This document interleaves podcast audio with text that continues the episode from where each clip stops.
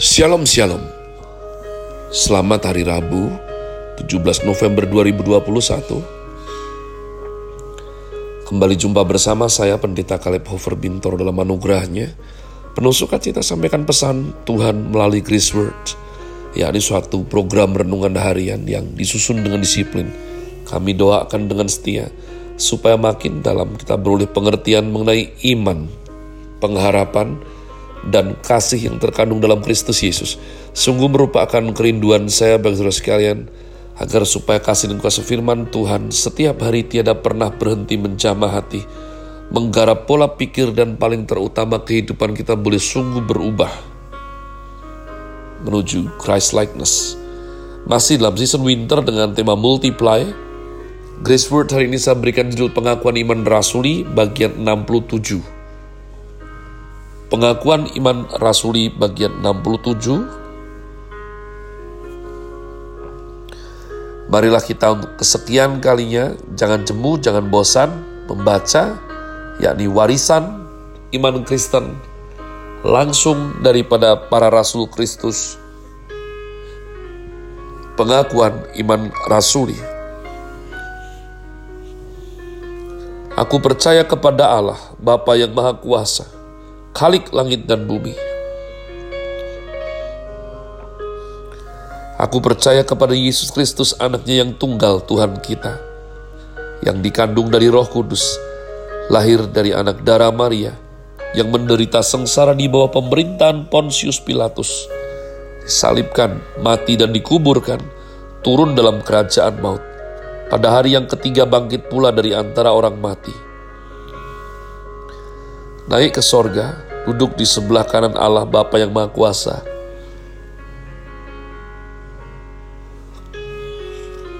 Dan dari sana, ia akan datang untuk menghakimi orang yang hidup dan yang mati. Aku percaya kepada Roh Kudus, gereja yang kudus dan am, persekutuan orang kudus, pengampunan dosa, kebangkitan orang mati, dan hidup yang kekal. Amen. Haleluya. Sejarah mencatat Sokrates dituduh dengan dua kesalahan. Yang pertama ateis umat Tuhan. Yang kedua penghasut atau perusak moral pemuda.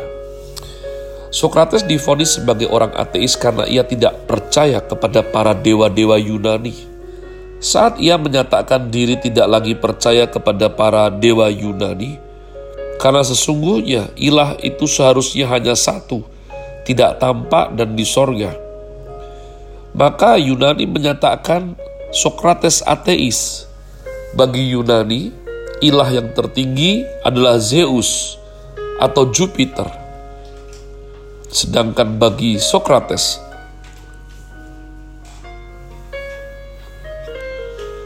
Allah tertinggi itu roh, tidak tampak, esa adanya, dan ada di tempat yang maha tinggi, yaitu sorga. Saya curiga umat Tuhan, Sokrates dipengaruhi para pedagang Yahudi yang merantau ke Yunani. Saat mereka pergi berdagang ke berbagai negeri, besar kemungkinan mereka memperkenalkan Allah Yehova di sorga yang adalah roh dan pencipta langit dan bumi. Kalimat pencipta langit dan bumi pertama kali diperkenalkan oleh orang Kristen melalui pengakuan iman rasuli.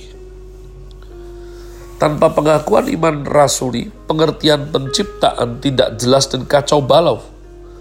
Dalam pengakuan iman rasuli, penciptaan mencakup segala sesuatu, langit, bumi, dan segala isinya dalam pengakuan iman Nisea lebih lengkap lagi, yaitu dengan menambahkan yang tampak dan yang tidak tampak, yang berwujud sebagai pribadi atau benda, semua yang tampak dan tidak tampak sama-sama diciptakan Allah.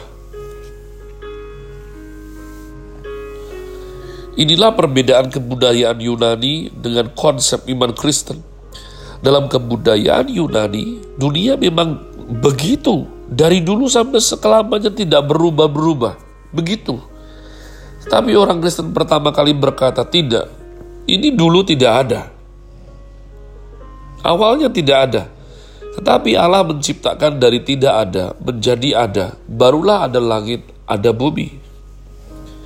Allah pencipta langit dan bumi dengan konsep yang revolusioner ini, iman Kristen bersumbangsi di dalam sejarah umat manusia untuk memahami konsep penciptaan. Oh, kita fair. Semua orang punya teorinya, silakan. Tapi saudaraku, jika engkau mau teliti dan rendah hati, tidak ada yang sekonsisten, tidak ada yang seclear, relevan, ya. Kalau semua diminta masuk akal, nggak bisa. Tapi ada relevansinya konsep penciptaan yang dicetuskan oleh iman Kristen.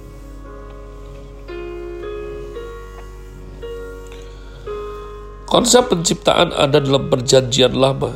Kejadian 1 ayat yang pertama berkata, pada mulanya Allah menciptakan langit dan bumi, lalu dikembangkan dalam perjanjian baru. Tuhan Yesus berdoa, Tuhan dari langit dan bumi, ia bukan saja menciptakan, juga menjadi Tuhan. Jadi sekarang kita melihat ciptaan itu dunia fisika, dan pencipta itu metafisika.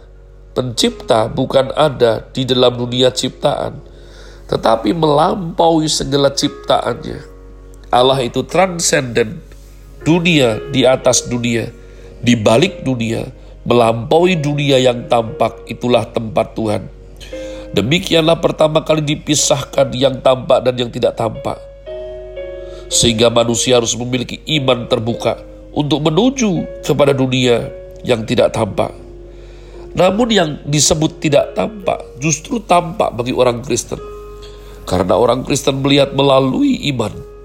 Iman melihat melalui roh. Maka melalui iman kita menerobos batasan fisika yang menutup kita di dalam dunia materi. Menuju dunia yang tidak tertutup, tidak terbatas, yakni dunia roh. Allah ada dalam dunia roh. Ia adalah Allah yang hidup. Maka kita memiliki open system, sistem terbuka iman Kristen. Ketika Allah menyatakan diri melalui sepuluh hukum Taurat, dari dunia yang tampak, kita melihat, kita mulai melihat dunia yang tidak tampak. Bahwa dunia yang tampak memerlukan keadilan, karena Allah itu adil. Kita bermoral, perlu kesucian, karena Allah suci. Dalam dunia tampak kita memerlukan kebajikan, karena Allah itu baik semua sifat ilahi yang dinyatakan dalam dunia tampak, kita menjadi wakil Tuhan. Karena kita peta teladan Tuhan yang melaksanakan sifat-sifat moral Tuhan dan menyatakan kemuliaan Tuhan di dalam dunia ini. Tuhan Yesus lahir di zaman Maria dan mati di zaman Pilatus. Ini membuktikan Kristus adalah manusia dalam sejarah. Berkurun waktu dan tempat, kelahiran, kehidupan, kematian, dan kebangkitan Kristus bukanlah cerita mitos Yunani, tetapi merupakan fakta sejarah yang konkret. Yesus benar-benar hidup sebagai manusia. Inilah inkarnasi. Tuhan Yesus pernah datang memasuki sejarah dan melalui hidupnya, Kristus mengubah sejarah. Agar melalui dirinya, manusia bertemu dengan Allah yang tidak tampak, Inkarnasi Kristus menjadi titik temu antara Allah yang tidak tampak dan manusia yang tampak. Antara kekekalan dan kesementaraan, antara anugerah Allah yang kekal dan manusia yang berdosa. Melalui kelahirannya, firman ada di tengah kita. Melalui kematiannya di atas kayu salib, dosa diselesaikan dengan menggantikan kita yang seharusnya mati. Pada saat Pilatus mengadili Tuhan Yesus, terjadi ketidakadilan yang paling puncak, paling kejam dalam sejarah. Ketika Tuhan Yesus diadili Pilatus, Allah turun sampai titik terendah. Pendosa naik sampai puncak tertinggi. Ini adalah dua arah yang berbeda. Yang di atas bersedia turun ke bawah, dan yang di bawah mau naik ke atas tinggi-tingginya Pilatus dengan gengsi dan angkuh mengadili Yesus yang rendah hati dan rela berkorban. Yang tertinggi turun ke titik terendah, dan yang terendah naik ke titik tertinggi. Yesus dari sorga berinisiatif turun ke dunia. Pilatus pendosa yang memberanikan diri berinisiatif naik ke tahta untuk menghakimi Tuhan Yesus. Sama-sama berinisiatif tetapi Pilatus menganggap dirinya utusan dan wakil kekaisaran Romawi yang lebih tinggi dari semua kerajaan lain. Sehingga ia merasa berhak mengadili dan menghakimi siapa pun. Sementara Tuhan Yesus berinisiatif merendahkan dirinya. Di sini kita melihat kontras daripada dua tokoh ini.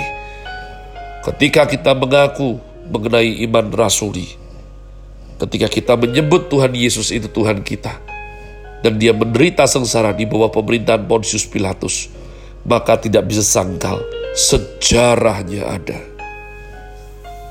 Tanggalnya ada. Siapa Pontius Pilatus? Semua ada.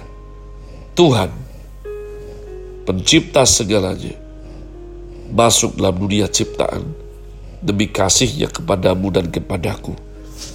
Have a nice day. Tuhan Yesus memberkati saudara sekalian.